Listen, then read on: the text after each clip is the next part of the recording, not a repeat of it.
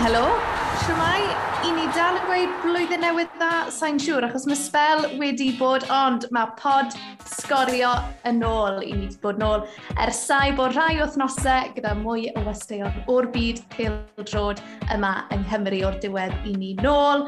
Dylan Ebenezer sy'n cadw cwmni i fi jyst cyn i ni ddechrau, dyl newyddion mawr, ti wedi cael sbectol newydd. Do, dwi'n gweithio o'r bodlediad. Na gywe, um, mae'r hen rhaid tua 10 mlynedd oed, ond mae'r ci wedi cnoi y cefn, oedd hi'n hen bryd mynd am, mynd am rai newydd, uh, Specs Peledrex, fel oedd rhywun yn canu rhyw bryd. Fi awr sylwi wnes i chi o Jürgen Klopp yn gynharach, mae'n eitha tebyg gyda uh, Jürgen Klopp. Ond ie, uh, yeah, gyrch chi benderfynu. Na i wisgo nhw ar y sgorio cyn bo hir i bobl gweld nhw ni. Yn ei holl o goniant fel petai. A mae sgorio yn dychwelyd pen wythnos yma achos mae uwch gyngrau'r Cymru yn dychwelyd dros y pen wythnos. Yw cefnogwyr yn dychwelyd a fel wedi si, bydd sgorio nôl ar y tyledu. A bydd chyff o gêm rhwng y Seintiau Newydd a Chei Conna yn dechrau ein cyfres o gymau byw yn 2022 yn Cymru Premier. A fi yw Siona Dafydd, a fel arfer yn cadw cwmni i fi yw Dylan Ebenezer. A Dyl, o'n i'n meddwl wrthnos yma, Justine ail atgoffa ni o bopeth sydd wedi bod yn digwydd a beth sydd wedi ddod y person gorau i siarad gyda wythnos yma o rheolwr cyffredinol uwch gyngrair Cymru. Gwyn Derfel, achos fe yw'r dyn sydd wedi bod ym mhob cyfarfod yn penderfynu ac yn cynllunio popeth sydd wedi bod yn mynd mlaen yn ddiweddar. Ie, yeah, mae bendant yn braf bod nôl ac yn braf iawn croesawu Gwyn Derfel ato ni i'r pods. Croesawu ato ni, Gwyn? Diolch yn iawn, prawn da. Uh, mae'n braf bod y uh, pod nôl, ond mae'n braf bod uwch gyngred Cymru JD yn ôl hefyd. Mae'r Cymru Premier yn ôl um, o'r diwedd, Gwyn? Ie, yeah, mae wedi bod yn gyfnod heriol iawn, Dylan. Mae wedi bod yn gyfnod anodd iawn.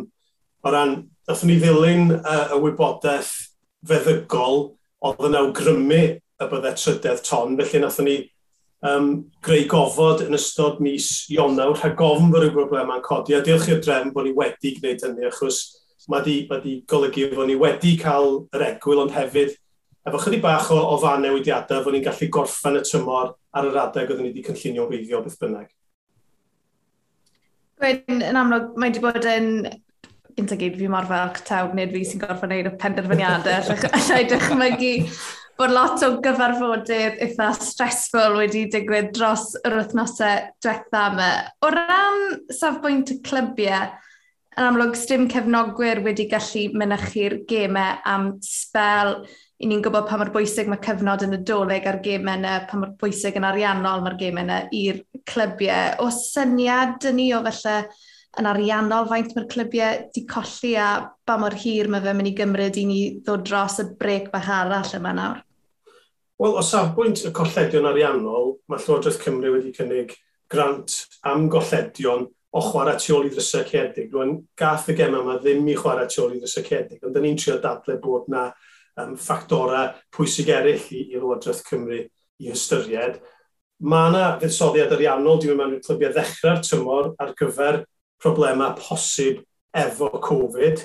Uh, ond yn amlwg, oedd o'n benderfyniad oedd y clybiau ddim yn gwbl gytun arno. Felly oedd o'n benderfyniad anodd i fwrdd y cyngreirio, ond yr, yr un peth allan ni ddeud am y broses yma ydy da ni'n trafod yn gyson efo'r clybiau, da ni'n gadael i'r clybiau gael, gael eu llais, gael deud i deud, a wedyn mae rhaid i fwrdd y cynghreiriau wneud y penderfyniad be maen nhw'n meddwl dy'r gorau ar gyfer y cyngreir.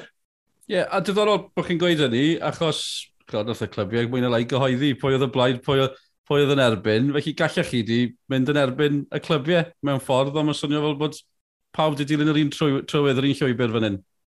Oedd y bleidlais gen y clybiau yn agos iawn, ydych chi'n iawn dylan, fysa bod y cymeriad i gallu mynd yn erbyn um, barn y clybiau.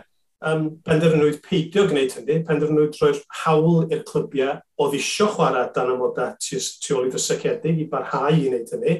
Um, ond diolch i'r drefn, ddoth y cyhoeddiad fod, uh, fod ni'n gallu codi'r gwaharddiadau, lle mae pawb yn ôl yr un pryd y penwthnos yma. Ie, yeah, Lenny arni, dwi'n fi'n syniad. Sianed, ti'n cofio Lenny arni? Fi'n cofio bod y seinti ar y brig y drwydd yn cefn ar y gwylod, ar oan i ni, fi'n bach ar goll, mae'n rhaid i fod onest.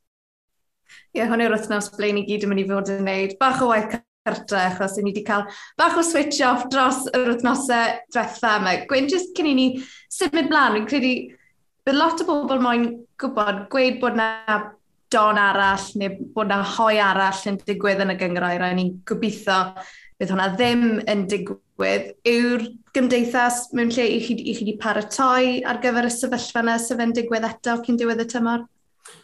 dyna lle mae y cyhoeddiad, oedd bach yn anisgwl, oedden ni ddim yn disgwyl cyhoeddiad gan Lywodraeth Cymru tan y penwthnos yma ar gyfer i ni ddychwelyd gobeithio y penwthnos wedyn, ond oherwydd da ni wedi dod ar gema ymlaen, mae'n ma creu chydig bach o, o capacity ni yn, yn ail rhan y tymor, lle beth sydd gyda ni, dim mae gen i dri chanol wythnos sbar yng nghanol wythnos yn ail gyfnod y tymor, beth bynnag, felly da ni'n gobeithio fo hynny, mynd oedd ddigon o hyblygrwydd i ni orffan mewn pryd cyn ffeinal Cwpan Cymru ar ben wythnos cyntaf mis mai.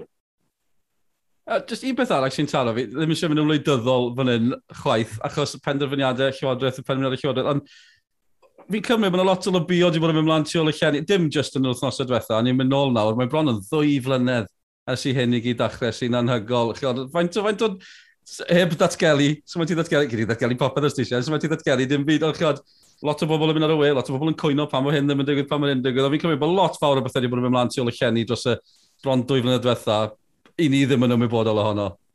Oes, da ni wedi cael llwyfan i, i ddeud yn barn, a da ni ddim wastad i bod yn gwbl gytun efo Llywodraeth Cymru er bod ni ddiolchgar iawn am y platform yna i, i gael gosod yn safbwynt o ran fysa ni wedi bod o blaid cael 500 o gefnogwyr yn y cyfnod yma um, fel, fel oedd yn yr Alban, achos nath ni wneud yr, yr ddadl yna'n gwbl glir i'r Llywodraeth bod, bod o ddim yn deg bod ni'n cael yn ystyried yr un fath o Cerdydd ag Abertawe oherwydd rhan o dystiolaeth y Llywodraeth oedd na ym, rhai o'r manna perig oedd y concosys yn, yn, yn y stadiwm. Wel, dydy hynny ddim yn bod yn, yn y JD Cymru Premier. Felly, oedden ni'n teimlo yn achlysurol, oedden ni'n gosod yn dadleuon. Oce, okay, oedden nhw'n cael ei derbyn, ond rhaid ni barchu'r penderfyniadau hynny gan Llywodraeth Cymru, oherwydd wrth gwrs, maen ma nhw wedi yn cynorthwyo ni um, yn, yn ariannol um, drwy, drwy amball bot o bres. Felly, er nad wedi bod yn bartneriaeth berffaith, dwi'n meddwl bod rhaid i ni barchu bod, bod Llywodraeth Cymru wedi ceisio gosod lles o iechyd pobl yn, yn uwchlaw na dim, ac wrth gwrs mae hynny bethau pwysicach na pel droed yn does. Yn bendant, Gwyn, fi wastad yn meddwl nôl at bywyd oedd Jürgen Klopp football is the most important of the unimportant things. So, Nes ti ddau gofio hwnna, fi wedi trio ailadrodd y dyfyniad na sawl gwaith, a fi byth wedi cael yn gywir, felly da iawn. Yn ôl i'r peildrod, achos mae uwch gyngrair Cymru yn dychwelyd penwthnos yma, os ych chi'n gryndo ar Spotify, Apple Podcast, chi ffili gweld, ond mae'r tri o'n i'n gwenu fan hyn achos i ni ffili aros ar gyfer nos Wener. A just, um, wel ie, yeah, i roi syniad o blaenu ar bethau, achos mae spel wedi bod y seintiau newydd sy'n rhedeg i ffwrdd ar frig y gyngrair ar hyn o bryd gyda 44 o bwyntiau. Y dre newydd wedyn ni yn ail ar 32 o bwyntiau gwaith arbennig gan Chris Hughes a'i dîm tymor yma y Flint yn drydydd, Pen y Bont yn bydwyrydd a Cey Conan bimed ar hyn o bryd. A Gwyn, mae'r i fi y ras na am y chwech uchia sy'n mynd i fod mor, mor ddiddorol rhwng nawr y diwedd y tymor achos mynd dyty Pen y Bont, ceicona, Bala, Carnarfon, mae yna enwau mawr fyna, mae'r cwestiwn os nhw'n nhw hyd yn oed orffen yn y chwecha.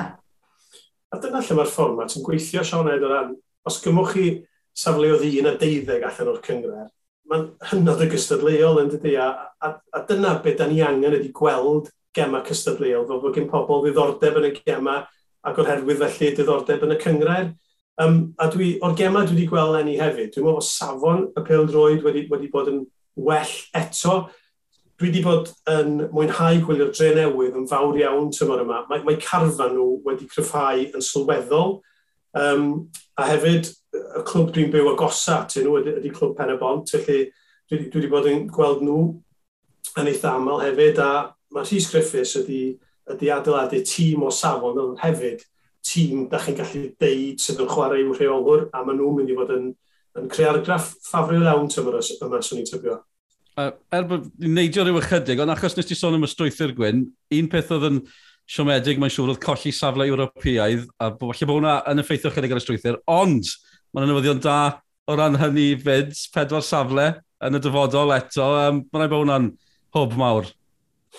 Gawn ni ddim cadarnhad swyddogol fod ni wedi cael y pedwedd safle yn ôl tan wedi ffeinal cyngred y pencampwyr fus mai, er eblaw, dwi'n dwi, tybio yn gri iawn iawn y cawn i'r pedwerydd safle yn ôl. Ac oherwydd y strwythyr sgynna ni, dol, ydy Mae'r pedwerydd safle yna yn allweddol bwysig i'r chwech ucha a'r chwech isa, oherwydd be mae'r gema ail gyfle ddiwedd y tymor lenni yn cynnig i ni ydy lle yng nghwpan um, cyngrair yr Alban, sydd yn rhywbeth wrth gwrs wneud clybiau mwynhau chwarae ynddo fo, ond dydy ddim, ddim yr un wobr a chwarae yng Nghymres uh, Ewropa nag di. Lle diolch i'r dref, mae'n ymddangos na dim ond am un flwyddyn fydd hynny'n digwydd, ond mae'r pwysau wedyn ar y tri chymrychiolydd gawn ni yn Ewrop yr haf nesaf, hyd yn oed yn fwy oherwydd efo'r pwyntiau, mae'n pwyntiau ni bellach yn wedi cael ei rhannu rhwng tri yn hytrach na rhwng pedwar. Felly os da ni'n llwyddo cael mwy o ganlyniadau cadarnhaol, fydd y pwyntiau neu bod pwrpas yn werth mwy na'r gledydd da ni'n cystadlu ni herbyn, sef o pedwar o gynrychiolwyr, a mae'r pwyntiau yna'n para ar yn record ni am gyfnod o 5 mlynedd. Felly mae'r ha nesaf yma yn, yn gwbl allweddol i ni fatha cyngrair, os ydy'r seintiau newydd yn dal i gafel ar ei mantais, wel, mi fydden nhw wedi cael eu dethol yng Nghyngrair y Pencampwyr sy'n rhoi gwell cyfle iddyn nhw wedyn fynd drwy'r rownd gyntaf ac os dyn nhw'n colli yn yr ail rownd wedyn, wrth gwrs, maen nhw'n mynd lawr i, i gyngrair Europa a wedyn i'r gyngres. Felly mae gen nhw lot mwy o gyfleoedd wedyn i ennill mwy o bwyntiau coefficients ar ran y clwb a hefyd ar rhan yn cyngrair cenedlaethol ni. Ie, yeah. eto, rhywun yn esbonio rhywbeth, lot gwell na lle i esbonio fe. Croes i bysedd felly am y, am y pedwerydd safle yna. A ni'n mynd i fod yn uh, trafod pa fath o lwyfan neu'r gyngrair yma i chwaraewyr sy'n dod o'r gyngrair beldrod broffesiynol a hefyd i, i symud ymlaen. Achos nes edrych ar stori anhygol Alec Mwdimu nesa hefyd. Um, enw cyfarwydd yn y gyngrair gyda defnyddon cefn chwaraewr canol cae oedd yn rhan o'i galfan o cwpl o dymor yn ôl. Mae fe chwarae'n Georgia ar enw bryd. Siw bod Gwyn yn ymwybodol, falle bod chi ddim wedi sylweddoli hyn, achos mae'n chwarae Zimbabwe yng Nghymru Cenedlaeth Africa ar hyn o bryd. A mae Sioned wedi cael gair dyfed. Drwy lwc, gyda dechnoleg yn gweithio rhwng Cymru a Cameroon. Alec, from Kevin Druids playing in Wales to the Africa Cup of Nations, you're currently out there with Zimbabwe. Tell us, you know, what's it like? What's it like being at a major tournament? Can you give us some some insight into what's going on behind the scenes? You can never get used to the feeling of major tournaments. Um, there's, there's a sort of a buzz it brings about inside you and an energy that you you rarely get. Um, not it's, it's it's a very surreal feeling, and of course, you know, um, coming from Kevin Drews especially, it's uh, it's you know um, such a beautiful place with a small small stadium and whatnot, and it's it's, it's really good to then come into playing in front of I don't know 50 60,000 people it's um it's it's a feeling I'll never be able to describe if I'm quite honest with you because it's it's yeah it's a feeling the atmosphere the feeling the people. Um I mean since we've been in Cameroon um, every day I go out obviously for training and whatnot on the way there um it's the, the country lives breathes eats football. You see the kids are playing football outside. It's it's, it's so surreal um you know to say I can't explain it. I can't explain the feeling because it's it's that surreal. You're rubbing shoulders with you know some of of the best players in the world. Do you do you find yourself pinching yourself quite often? Yeah, so much. Um, I'm looking forward to obviously facing Guinea. I've always wanted to say Nabila, so I'm looking forward to that. I'm really looking forward to it. So um, it's, it's, it's it's an amazing experience. It really is. Um, you know, like I say, as soon as I seen Sadio, I wanted to, I wanted to take his top. I would say, man, Sadio, you all right, mate? Like, yeah. you doing? Have your top? Don't know if you want mine, but can I get yours? so, uh, yeah, um, it's an amazing experience, and it's been a surreal journey so far. And you know, I'm, I'm very grateful for for everybody that's that's obviously helped me in the way. You's played such such a huge part in in all of it. Um, he made me really fall in love with football and and believe in myself and, and what I was fighting for at the time. And you know, um, thankfully, it's just turned uh, on the right side, and things are going really well. Um, yeah, it's it's amazing. If I could quickly, Alec, just take you back to your time at Kevin Druids, because yep. I think one memory that sticks in the mind um, is that European playoff in 2018. Yeah. I think the footage we've got of you guys celebrating is just incredible. So I bet you look back at your, your time in Wales with, with a lot of fond memories so much. Um, it was a it was a really good group of guys. Um, you know, uh, from the from the first day, everybody got on, and that's uh, you know for everyone to get on in, in such a big group, it's uh, it's so important in a team. It was Neil Ashton at the time that was obviously the captain, and he, he helped the boys go through um, quite a bit. He helped me quite a bit. If he wasn't shouting at me, then he was helping me. So he helped me quite a bit. And you know, uh, you know, we had uh, Nathan Pete at the back. He's just one of the hardest, strongest guys I think I've ever come across. I mean, he'd get headbutted in a game, he'd stand up and probably laugh it off. So yeah, oh, yeah. So um, we had a really good group, and you know, you was um, he was nothing but just positive. He, he only gave positive feedback, and he just wanted the team to do better. And obviously, the playoff itself, um, that was that was that was amazing. Um, you know, yeah, I think the first thing I did, um, so out of character, was took my top off. I mean, he'd never done it before, but it was um, such an experience, and um, you know, the whole from then on, the whole traveling to, to Lithuania and whatnot was it was amazing. Um, I look back on on all my memories at Kevin because they a lot of them made me into into the player that I am today. Um, not just football talking, but you know, uh, mentally, um, it made me into the, the player that I am today. And I feel if it wasn't for Kevin Druids and it was someone else, I don't think I'd be I'd be quite the player that I am, or maybe even here. Wel, oedd e mor, mor braf cwrdd Alec Medimw dros Zoom yn amlwg gan oedd e mas yn Cameroon, a mae rai fi weid dyl, fi'n credu un o'r bechgyn neisaf fi erioed i cyfan, nath e ddim stop o gwenu trwy gydol y cyfarfod, a gwen oedd e'n sôn fyna am i uh, am i brofiadau gyda dyrwyddon Kevin, sôn jyst pa mor bwysig mae Hugh Griffiths wedi bod o ran ei yrfa. Mae rai bod hwnna'n neu chi mor mor falch i weld chwaraewr yn chwarae ar y llwyfan byd eang a bod e jyst mor ddiolchgar am i gyfnod e'n chwarae pêl drod yng Nghymru fach, os lygu chi. Mae'n dangos y safon sydd yn yn cyngred cenedlaethol ni, a dydy pobl o tu allan ddim yn ymwybodol a ddim yn cydnabod y safon hwnnw. Ond dwi'n meddwl bod yn bwysig hefyd, y da ni ar bodlediad sgorio fan hyn, mae nifer y chwaraewyr yn deud wrtho fi, oherwydd o pob gêm yn cael ei ffilmio, da chi'n gallu creu rhyw siwriel ar gyfer eich hunan fel chwaraewyr penodol. Mae pob gol da chi'n sgorio, pob tackle wych da chi'n gallu wneud. Mae hwnna ar gael i chwaraewyr yn cyngred cenedlaethol ni. Di hynny ddim ar gael mewn cynghreiriau um, cyffelib yn Lloegr i'r adda. A dych chi'n meddwl, mae hynna'n yn, yn bwynt pwysig pan mae clybiau yn trio denu chwaraewyr. Dwi'n cofio yn prif clybiau ni'n deud, oedden nhw'n siŵr os oes chwaraewyr i thamlwg yn arwyddo ddyn nhw, pam nath o ddeud fod pob gêm yn cael ei ffilmio, nath o arwyddo. Mae hwnna'n bwynt rili da, a mae hwnna'n arwain ni flaen at un clip nesaf ni, achos stori arall nath dorri yw fod James Waite wedi ymuno â chas newydd o Ben y Bont. Fi sy'n siarad gyda rheol o'r Pen y Bont, Rhys Griffiths, a yn, yn union bywedodd e gwyn bod uwch gyngredd Cymru yn mynd i allu rhoi platform i James i fynd nôl mewn i'r cyngreiriau proffesiynol, a dyma be oedd gan Rhys Griffiths i weid.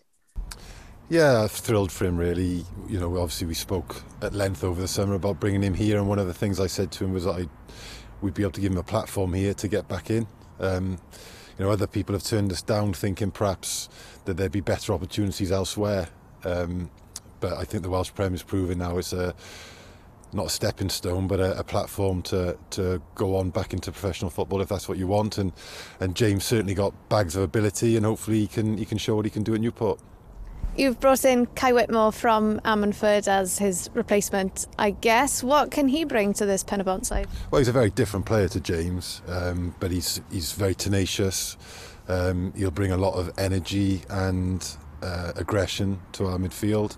Um, and he's, he's another really good person from what I know of him so far. I've known him long, but for the chats we've had, he's come across really well, and I think he'll fit in perfectly. But he's a very different player to James. The other big name that I guess we've all been talking about is Sean McDonald. He signed for you a couple of weeks ago now. Again, with a player of his talent and with all everything that he's achieved in his career, you must be excited to have him here. Yeah, I've been speaking to Sean since before he signed for Crew actually, um, and just really informal chats really, and getting to know each other as as time was going on. And eventually, he said, "I think I'm ready to to walk away from full time football." and and we were sort of waiting in the wings, if you like. So really thrilled to have him here. Again, I keep saying it, but a great, great person to have around the place. Um, already having a big impact on all the boys, and I think it's something that we've said probably since I've been at the club, but certainly since we've been in the Welsh Prem, that we, we sometimes lack a bit of experience in the key moments. So if we look back to key moments we've had in recent times, playoff semi-final last year, sometimes I think we probably lacked a bit of experience at certain moments, and and he, he'll add experience and, as you said, quality, and and he's got bags of both. Ie, yeah, Rhys Griffiths yn sôn am James Waite fyna, Gwyn. Mae hwnna'n drosglwyddiad diddorol, ac wrth gwrs, Rhys Griffiths yn un sy'n ymwybodol. Nath eich treulo'r yn fwy o fiorfa yn y gyngrair yma, ond mynd yn broffesiynol, falle gallai fe wedi mynd yn gynharach. Mae fe mewn lle da i gynghori rhywun fel James Waite, falle bod y gyngrair, dim ond eisiau brolio gormod am y gyngrair, ond ni'n gweld eto chreuo'r ifanc yn cael cyfle. Yn hollol, dwi'n credu bod hwn yn mynd law yn llaw efo y ffaith fod cyrsiau fforddi Cymdeithas Pildroed Cymru a, a, a gymaint o barch sy'n atyn nhw o ran mae clybiau rwan fel, fel Cerdydd a fel Abertawe, maen nhw'n ymddiried yn yn system ni i roi mwy o gyfleoedd i chwaraewyr ifanc chwarae pel droed yn erbyn dynion, os, os da chi'n gwybod beth sgynnu fi, hytrach na pel droed academy. O'n i siarad efo Ryan Reynolds uh, o Ben y Bont, mae wedi cael problemau fan yfiadau, ond mae o bellach yn chwaraewr Ben y Bont, a mae o'n bendant yn gweld um, i gyfnod yn stadiwm SDM Glas fel cyfle mawr iddo fo, ail ddenu chydig o sylw, a ail danio i'r fo'r lefel hyd yn oed yn uwch na, na lle mae o. Ond dwi'n credu fod Rhys Griffiths i hun yn heiddi chydig bach o barch hefyd.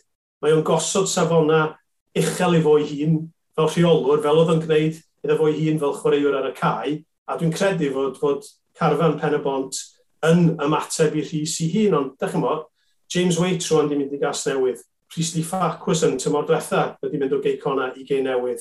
O leia, dwi'n dechrau meddwl rwan fod, fod clybiau ar safon fysa'n cael ei ystyried yn uwch na'r JD Cymru Premier yn dechrau talu sylwgol iawn i'n cyngred ni a, a beth sy'n rhaid i'n clybiau i ddysgu rwan ydy os ydy clybiau eisiau arwyddo chwaraewyr ni, mae'n rhaid i'n clybiau ni sicrhau fod nhw'n cael del dda am y chwaraewyr hynny.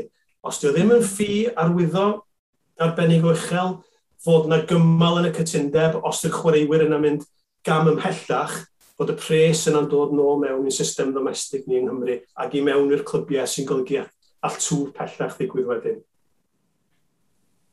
just Iwsa, Simon siarad gormod am Ben y Bont, ond wedyn ni ar ochr arall y spectrum, maen nhw hefyd newydd yr oedd o Sean MacDonald. So mae dy ti'r chwaraewyr ifanc yma sy efallai wedi cael ei rhyddhau o'i academiau, o'i clybiau maen nhw wedi bod ers o'n nhw'n fach, yn iwso'r uwch gyngrair fel platfform i wedyn i fynd i cael contract proffesiynol, ond wedyn ar yr ochr arall, mae ydych chi cyn chwaraewyr proffesiynol sydd wedi chwarae i Gymru fel Sean McDonald, Jazz Richards, Dave Edwards, sydd hefyd yn dod mewn i'r gyngrair, achos fel i ni wedi clywed tro ar ôl tro, maen nhw jyst moyn joio wario pil drod eto, falle bod nhw wedi syrthio mas o gariad gyda'r gêm oherwydd bod nhw'n mynd yn hun a phroblemau anafiadau. Felly mae dy ti'r best of both worlds os lycyd i gwyn. Ie, yeah, sori dod i draws hefyd gwyn falle, gallen nhw wedi joio chwarae Pil Drones, 5 mlynedd nôl, 10 mlynedd nôl, ond sa'n cael ei bod nhw wedi ystyried y gyngrair fel opsiwn. Beth yw'r, sa'n gwybod, efo'r ceie, mae'r safon yn amlwg, y ffordd, fi'n cymryd, mae bach o bopeth wedi cyfuno fan hyn, sy'n galluogi bod y, y boys ma sydd wedi chwarae lefel ucha, yn dod mewn i'r gyngrair. Hmm. Wel, falle dy Dave Edwards yn, yn well person i ateb hwnna na fi, ond dwi'n gwybod fod o wedi cael ei siomi o'r ochr ora efo safon y cyngrair y sydd o'n mynd.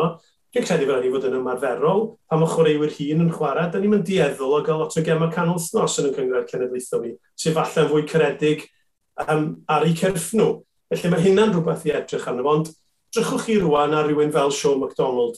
Dwi, dwi wedi clywed fod o'n mynd i fod yn chwarae falle uh, yn yr amddiffyn. Wel, mae gennych chi Jeffries a Bodge sydd dal yn chwaraewyr cymarol ifanc. Elli ddysgu gymaint o'i brofiad o, fel falle fod amddiffyn Hwffordd yn dysgu gen Jazz Richards. Felly, Dwi'n credu fod, fod, fod o'n gweithio um, er lles y ddwy ochr digwyl, digwyr cael y chwaraewyr rhyngwladol yma i, i ddod mewn i'r cyngrair.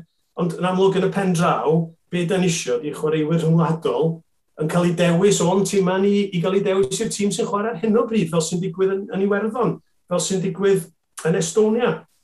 Oedd wyth o chwaraewyr um, Flora Tallinn um, sydd ar safon debyg i'n cyngrair cenedlaethol ni, Oedd wyth o'i carfan nhw yn chwarae yn erbyn tîm rhwngwladol Cymru, gath y gêm fi sgwr yn Stadiwm Dinas Cerdydd. Dyna beth sy'n ni yn ewli ato fo, a mae rhaid i ni agor yn llygyd o fewn y gymdeithas bildroed a thu hwnt i hynny am y talent sydd ar gael yn yn cyngred ni.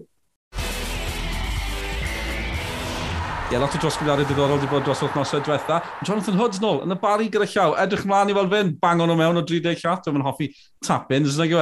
Um, oedd y diffyg gemau yn uh, rwystredig dros y gwyliau. Felly fe si lan un penwthnos i ferthyr, ond nhw dal yn chwarae tu ôl i ddrysau ceedig gan bod nhw'n parhau i chwarae yn y system yn Lloegr wrth gwrs. So mae rhyw drafodaeth bach ddiddorol wedi bod yn myd ferwi o bosib yn y cemdir a os diddordeb gyda nhw i ddod nôl i chwarae yng Nghymru. Mae o'n dipyn o, o drafodaeth, a mae hyn wedi bod yn ymlaen ystia 30 mlynedd ar sefydlu uwch gyngred Cymru, wrth gwrs. Dyma oedd gan un o gryw ferthyr i ddweud wrthyn ni, Mark Evans. The, the, strength and the weakness for the, the, the FEW and ourselves, I suppose, is the fact that we are fan-owned.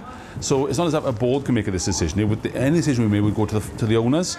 And, and of course, you know, a lot of people, your head may be, you know, the Welsh system is, is a great product, the Welsh system now, great football, nice grounds, some good crowds as well. I'd love to see Carnarvon come here, for example. That would be a really nice crowd, wouldn't it? And I went, I went to Carnarvon in 87 and it was a bit lively. And, I, and it was a great time. So I'd love to see those games, you know, and I'd love to play Barry again, me, because Barry were our rivals. We, we, we haven't had a rival since the, the, the League of Wales started, the Cymru Prem started. Barry was our rival. Boxing Day against Barry was a great occasion. I mean, if we'd had this conversation five years ago, I would have just said, look, it's not going to happen. the board has to look at what's right for the club. You know, there's, there's things there that would need to be looked at properly. So we're going to have to convince a lot of people about it, but, you know, never say never. O Mark Evans fyna, wrth gwrs sy'n gweithio ar gymdeithas Bill Road, oedd e'n sôn am hynny hun yn, yn y cyfaliad estynedig, mae'n eitem yna i weld ar gwefan a gwefan y cymdeithasol sgorio hefyd. Mae'n ddiddorol, Gwyn, ti'n gwybod y cefndir yn amlwg, ond um, Bai Colwyn, wedi dod nôl yn bersonol, o'n i'n meddwl byddwn ni'n gweld hynny yn digwydd yn y blynyddoedd yma. Mae rai gweud, ni'n mynd i weld rhywbeth tebyg ym Merthyr, sgwn ni? Wel, clwb sy'n cael ei berchnogi gen y cenogwyr ydy, ydy Merthyr, a y penderfyniad yna yn bendant i, i aelodau'r clwb. Yn amlwg byddai'n braf cael clwb fatha Merthyr nôl yn y system domestig, os na dyna be fyddai i dymuniad nhw, achos mae ganddyn nhw lot i gynnig. Dych chi'n dros y blynyddoedd, dwi wedi bod yn swydd ysbryd i ddeng mlynedd a ers i fod wrth y lliw, dwi wedi cynnig yn gyson i ferthyr i fi gael dangos beth sydd ar gael o fewn y system domestig. A o, ddwy flynedd yn ôl, fe, fe ges i'r cyfle i just, just i rannu gwybodaeth ariannol, yn gweledigaeth ni, ac yn amlwg, di merthyr ddim di penderfynu dod nôl mewn um, i'r system domestig ar hyn o bryd, ond os fydden nhw, fydde trafodaethau'n amlwg yn, yn, yn gallu digwydd a da chymod, dwi'n meddwl bod yr egwyddor wedi, wedi sefydlu um, o, o leddodd bai colwyn mewn i'r system, sef mewn i'r Cymru North. Um, felly, falle fos i'n awgrymu na rhywbeth tebyg fysa'n digwydd i ferthyr, os nad yna'i dymuniad nhw. Dwi'n credu nad yna'r pwynt pwysig ydy, os di merthyr isio dod yn ôl, yw sy'r gymdeithas Bill Droed yn gwrando, ond mae rhaid i ferthyr fod isio dod yn ôl yn y lle cyntaf. Ie, yeah, mae ma chi'n cael y teimlad, fi wedi bod yn lot dros y blynyddoedd, fel, fel ti, Gwen, mae'n siŵr, A bod tro fi'n mynd na, fi'n gadael na, yn crafu'n hen, tio, pam bod nhw ddim yn chwarae yng Nghymru. Mae fe'n hanesyddol, wrth gwrs bod yn hanesyddol, ond mae yna rhyw deimlad, falle achos bod nhw'n mynd lawr y cyngreiriau hefyd, pwy o ydych chi'n fod yn realistig am y peth, ond mae yna deimlad bod y gweddau ymerthyr yn newid hefyd, falle bod nhw'n gweld beth sydd ar gael iddyn nhw yn y system yng Nghymru, a sydd dangos bod y system yng Nghymru wedi newid hefyd. Wel, dwi'n meddwl na llwyddiant drwy gynnal a dwyedd ydy, ydy ydy moto Merthyr. Ia, a, a, a ddech chi'n yn amlwg mae yna heriau ariannol yn mynd i fod os dyn nhw ddim yn cael tymor llwyddiannus eleni, ond uh, da ni'n dymuno'r gorau iddyn nhw, a, a, a ddech chi'n um, os ydyn nhw eisiau siarad efo'r gymdeithas bildroed, fel gyda unrhyw glwb arall, fe fyddwn ni'n gwrando ar, ar beth gymryd nhw i ddeud. Na fe, mae'r gwahoddiad yna. Yn benda, mae'n brif weithredwr newydd hefyd, wrth gwrs, Noel Mooney, ac yn ŵr sy'n gyfarwydd iawn ar gêm domestig yn Iwerddon, na'i gefndir e, yw'r yw ffaith bod e wedi cyrraedd dim jyst o ran Merthyr yn meddwl bod y gêm domestig, fe wedi sôn am y peth, yn, yn cael mwy o sylw, falle, mwy o, mwy o barch i dynod yma yng Nghymru. Os oes ffasiwn beth a a chorwynt da yna, mae'n ffordd eitha effeithiol o ddisgrifio'r prif weithredwr newydd, mae ma, ma rai fi dal i teimged i, i Noel Mooney o ran fel rhywun sydd wedi chwarae yng Nghymru Iwerddon yn y gol i Shamrock Rovers a Chorc, mae gynnyf o ddealltwriaeth o'r gêm domestig. Be di pobl ddim hefyd yn ymwybodol, mae di bod yn arwain tîm twf neu UEFA Grow sydd yn helpu um, cyngreiriau a chymdeithasau peldroed i dyfu. A mi oedd wedi bod yn arwain y prosiect yna ers deng mlynedd, felly mae ganddo fo ystod eang o brofiadau a gwybodaeth, a mae'r diddordeb sydd fo uh, yn y gêm domestig yn bendant yn heriol, ond mae hynny'n grisawu yn amlwg achos mae'n gofyn lle da chi eisiau bod, erbyn pryd da chi eisiau bod fel cyngrair, A di pawb ddim yn mynd i fwynhau'r siwrne yna, ond mae'r ffaith fod y llwybr yna ar gael ar gyfer y siwrne yn rhywbeth sydd yn apelgar iawn ac yn rhywbeth sydd i grysawu'n fawr. Na i feth anghofio pan wnaethon ni arsgorio cyfweld y fe ar ôl iddo fe Um, fi'n credu oedd e rhyw bythefnos mewn i'r swydd a nath e ddisgrifio Pildrod Cymru fel craft beer, cwrw craft. A o'n i'n rili really licio hwnna, fi'n credu bod e mor wir gwyn, achos Fi'n credu yn enwedig gyda popeth sydd wedi digwydd gyda'r pandemig, oedd yr holl stori yna gyda'r Super League a phopeth, fod cefnogwyr felly ddim cweith yn cyn rhagor ar dal i'r holl arian yna i fynd i gefnogi'r clybiau mawr yn uwch gyngrau'r Lloegr, a bod nhw'n troi at i clybiau lleol nhw, a ni'n gobeithio bod hynna'n mynd i barhau a gobeithio bod nid jyst uwch gyngrau'r Cymru, ond cyngreiriau ar draws Prydain yn mynd i fynd o'n erth i'n erth oherwydd ni yn hollol un peth sy'n rhaid i ni drio gwneud hefyd ydy gofyn y cwestiwn i ni'n hunan, be ydy pwrpais y, y, y Cymru Premier JD o ran, mi fydd y cyngred yn ddeng mlynedd ar hugian flwyddyn nesaf. A dych chi'n mo, dim am heiaeth, o'n i'n edrych ar fideo thos diwetha o'r tymor cyntaf, dim am heiaeth o ran safon y ceia, safon y chwarae, safon cyrff y chwaraewyr sydd fel athletwyr. Mae bob dim yn y cyngred wedi gwella safon, safon y darlledu hefyd yn amlwg. Ond ddech chi'n mae gennym ni'r cyfle rwan i benderfynu be ydy'n rheswm ni dros fod yma, herwydd ni gyd yn gwybod pam sefydlwyd y cyngrair. Oedd na awydd wrth gwrs, ond hefyd oedd y tîm rhyngwladol dan fygythiad. Ond rwan, mae gennym ni gyfle gwych efo'r garau gylltir nodedig yna ar y gorwel i ailddiffynio pwy ydy'n ni fel cyngrair, pam da ni yma, pam da ni'n apelio at y bobl yma, pam da ni ddim yn apelio at y bobl eraill. Ond fel o'ch chi'n sôn, dwi'n credu fod yna gyfle gwych i ni, Sioned, i apelio at bobl sydd falle rhywfaint o ddiddordeb, sy'n cweith yn sylweddoli pa mor dda ydy'r cynnir sydd ni ar gael, a pa mor fforddiadwy ydy o, a pa mor gynnes ydy o fel cynnyrch o, o gymharu a, a ffeil droed am personol yr uwch gyngor yn Lloegr o bosib. Be sy'n hefyd yn, yn ddiddorol, a mae fe'n her, ni'n sôn am torfeidd trwy amser, ond y, y sefyllfa hanesyddol yw bod y prif glybiau yng Nghymru yn chwarae yn Lloegr. Felly, mae'n hawdd beirniadu'r gyngrair a gweud, o, oh, sy'n lot yn gwylio, ond pam chi'n ystyried sy'n chi'n cyfri'r miloedd sy'n dilyn Cardydd, Abertawe, Castewydd, o, a Rexham nawr hefyd, gyda'r diddordeb enfawr sydd fyna. Mae yna filoedd wedi mynd yn syth, felly fe'n o ben tost yw ei chi ceisio denu'r gweddill fel petai, a hyd yn oed denu, denu rheini weithiau, pam dwi'n Cardydd ar ein o ddim yn chwarae.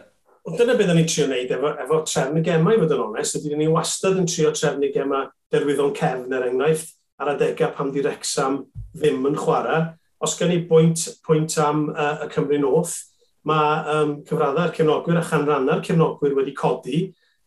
Dy'r clybiau o gwmpas Rexham ddim wedi codi o gwbl. Mae ma twf Wrexham wedi cael effaith negyddol iawn ar glybiau yn, yn y gogledd ddwyrain, ond yn gyffredinol mae cyngrau'r dal wedi tyfu yn ni phoblogrwydd. Dwi wedi sôn am Ben y Bont yn barod. Mae Pen y Bont rwan yn trio osgoi gema um, cartre Caerdydd. Felly mae yna ma, elfen o gydweithio nhw. Diolch wastad yn bosib osgoio, ond efo poblogrwydd y tîm cenedlaethol, efo nifer yr aelodau sy'n efo'r wal goch, mae gennym ni waith mewnol i wneud hefyd i apelio at y bobl yma sy'n gefnogwyr pybyr o Peldroi Cymru, ond sydd ddim yn gefnogwyr brwd o'n cyngred cenedlaethol ni. A chmo, gostydd seithbint i chi fi mewn. Ellwch chi gael peint a ffris mynediad a amddegpint, Wel, os ewch chi i Rexham, yr hatag ewch chi docyn heb fod yn docyn tymor, ydy 19 pint. Rwy'n dydwch chi wrth y fi pa un ydych chi'n cael mwy o werth y marian amdano. Ie, yeah, na, mae'n ma dipyn, mae'n fargen, mae'n na, mae'r bargen yno, cael y neges allan na sy'n bwysig. Sôn am y pyramid gwyn, um, wyt ti wedi gweld beth mae boys pod ligo wedi ei greu, mae fe'n gampwaith. Um, llun yw e o'r pyramid yn mynd o'r Cymru Premier, reit lawr i'r adrannau is, felly mae da ni pedwar hain o Bêl-Drod Cymru. Maen nhw wedi gosod y cyngreiriau, gosod y table, dangos pwy sy'n mynd fyny neu pwy sy'n disgyn, fel mae pethau ar hyn o bryd, dangos pwy sy'n wedi gwneud cais am drwydded i esgyn. Mae fe'n hyfryd. Mae fe'n dangos y pyramid yn ei holl ogoniant. Dwi'n mynd i fframio fe gwyn, roi ar y wal. Mae'n waith gwych dydy. Dwi am ddeud rhywbeth hynod o ddiflas o'n reit. Na'r cyflwyno'r system drwyddedu ydy un o'r pethau creiddiol i welliant yn cyngred cenedlaethol ni da ni'n gwybod da ni wedi cael profiadau poenus iawn iawn. Dwi'n dwi cofio clywed y newyddion o Bangor er enghraifft yn wedi cael y drwydded. O hwnna'n un o'r dyddiau mwy o tywyll dwi wedi cael yn yn swydd. Ond dim am heiaeth, mae gosod targedau, gosod safona, yn codi safona. A dwi'n credu fod be mae'r gymdeithas Bill Droid wedi wneud, sef ail wampio y system a cael y Cymru North a'r Cymru South, dwi'n credu bod hwnna wedi creu diddordeb newydd, wedi creu rhyw deimlad o undod rhwng y gwahanol lefelau'r pyramid. Ac wrth gwrs, mae cyngor y merched wedi cael ei ailansio hefyd, a mae hwnna ydy, ydy cynnyddu'r diddordeb yn arithrol yng Nghamp y Merched. Felly dwi'n credu fod y gêm ddomestig yn, yn, yn profi cyfnod cadarnhaol iawn ar hyn o bryd, a, a gobeithio fydd hynny'n para ac yn tyfu mellach wrth gwrs. A nes ti sôn am Bangor, mae rhaid ni falle holi am Bangor. Mae fe'n ma fe rhywbeth sy'n tristau pawb sy'n dilyn Pildroed Cymru, dwi'n dwi, tybio, pan chi'n cael cyfnod... Ond amser i wastad dwi'n peth, mae Cynarfon ar ei fyny, mae Bangor yn, ar ei lawr neu'n diflannu. Dwi'n beth yn digwydd rhywun pryd, mae boi Colwyn yn ôl, chod, eto. Chod, fa'i mod drist i gweld sefyllfa yna ar un o bryd? Wel, fel hogyn nath i'r ysgol uwchradd yng Nghanarfon, um, dwi'n cymryd dim pleser o gwbl o, o, o, o um, sefyllfa presennol Bangor. Mae yna broblemau wedi bod yna ers blynyddoedd.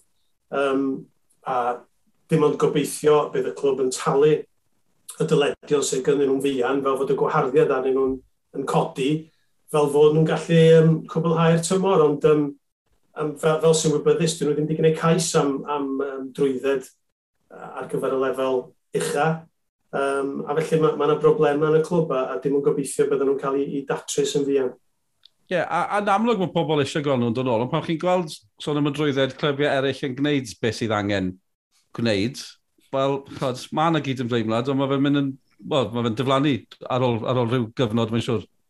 Os am mi, mae'r ma pwysau sydd ar wirfoddolwyr o fewn yn clybiau ni yn, yn sylweddol, eblaw, os ydy nifer fawr iawn o clybiau eraill yn gallu gwneud o, yna, da ni'n gallu trin, trin clybiau unigol eraill yn wahanol, na dyma safona yna am reswm, mae'r rheoliadau yna am reswm, a'r rheswm yna yn y pen draw i cysondeb a, a, a codi safona. Um, nes ti sôn yn gynharach, Gwyn, um, degawd yn y swydd, o'n i ddim wedi sylwi ar hynny. Fydd degawd arall yn... Sam Follant. Efe? Dwi'n siŵr os di hynny'n arwydd y cael, felly dim bell i ffwrdd. Ac os ai yn gyflym, um, os na ddegawd arall i fod? Na, dwi'n dwi, dwi, dwi, dwi, dwi wrth y modd yn gwneud y swydd. Dwi'n dwi ystyried i yn swydd arbennig o freintiedig. Dwi'n meddwl bod yna lot o bethau da ni wedi cyflawni efo'n gilydd yn ystod y ddegawd diwethaf yma, ond da ni ddim wedi llwyddo um, edrych nôl ar y cyfaliad cyntaf nes i fo sgorio pam gysi i'm henodi, o'n i'n dweud o'r prif dargedau oedd torfeidd. Rwan, o torfeidd wedi cynyddu, dim ond un blwyddyn, un blwyddyn ys cyn y deuddeg disglair, sy'n uwch na'r torfeidd ers y deuddeg disglair, o'n i bai am y llynydd wrth gwrs pam na ddim cefnogwyr, ond yn y bôn, dydy twf y gefnogaeth ddim wedi bod yn ddigon da. Dwi ddim wedi bod yr hyn oedden ni'n ymuno amdano fo.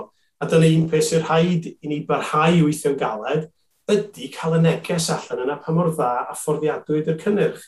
A dwi wirioneddol yn mwynhau'r profiad o fynd i geman Cymru Cyngred Cenedlaethol ni. Dwi'n teimlo fo fod o'n beldroed go iawn, ond efo safon, efo safon da sy'n fforddiadwy, efo adnodda da yn y rhan fwyaf feisydd os da chi eisiau diod bach wedi'r gêm neu rhywbeth o ran...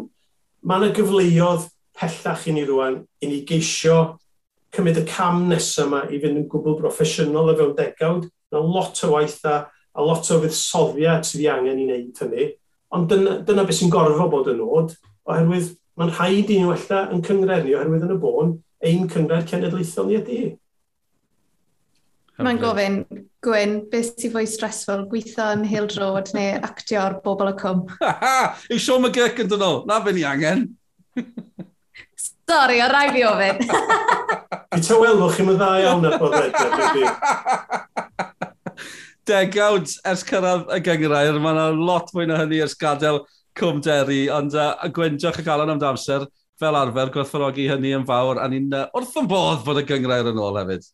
Diolch i'ch da am eich nogaeth, a diolch am y sgwrs. O, dyna ni, hefyd cael cwmni Gwyn Derfel. Mae wedi bod yn uh, Gyfnod heriol, byddwn ni'n tybio, tu ôl y llenni fel petai i bawb sy'n ynghlwm yma. Ewch Gyngred Cymru, JD, y swyddogion, a clybiau, y gwirfoddolwyr a'r chwaraewyr, ond ni'n nôl, ni'n barod i ail ddechrau pethau. Fi'n mynd i drilio'r dyddiau nesaf, Sianna, jyst yn uh, atgoffa ni'n anodd beth sydd bod yn digwydd. Ond Seinti Newydd efo'n Cey Conan a'r Lleifod, fi hefyd goffa mynd i chwilio'r thermals, achos uh, sdim syniad y fi, le fi wedi bod yn cuddio reina dros yr wythnos diwetha. Ie, yeah, anghofiwch paratoi am y gêm, paratoi a atgoffa'n hun o sut i wisgo'n dwym ar gyfer gymau yn y gogledd. Layers yma, layers o trec, na gyfer layers yw'r checky yn rhywun sy'n gryndo. Um, a ie, yeah, seinti newydd, Cei Cona yn fyw nos Wener ar Facebook a YouTube Sgorio a hefyd ar S4C Click. A chofiwch ar-lein bydd yr holl goliau ac uchaf bwyntiau o bob gêm yn uwch gyngraed Cymru sy'n digwydd penwthnos yma i'w gweld ar-lein ar blatfformau Sgorio.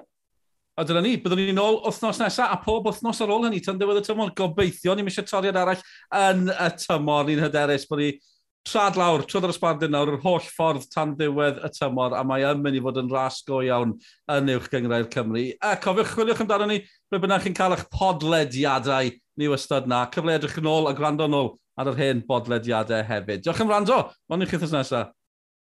Ta-ra!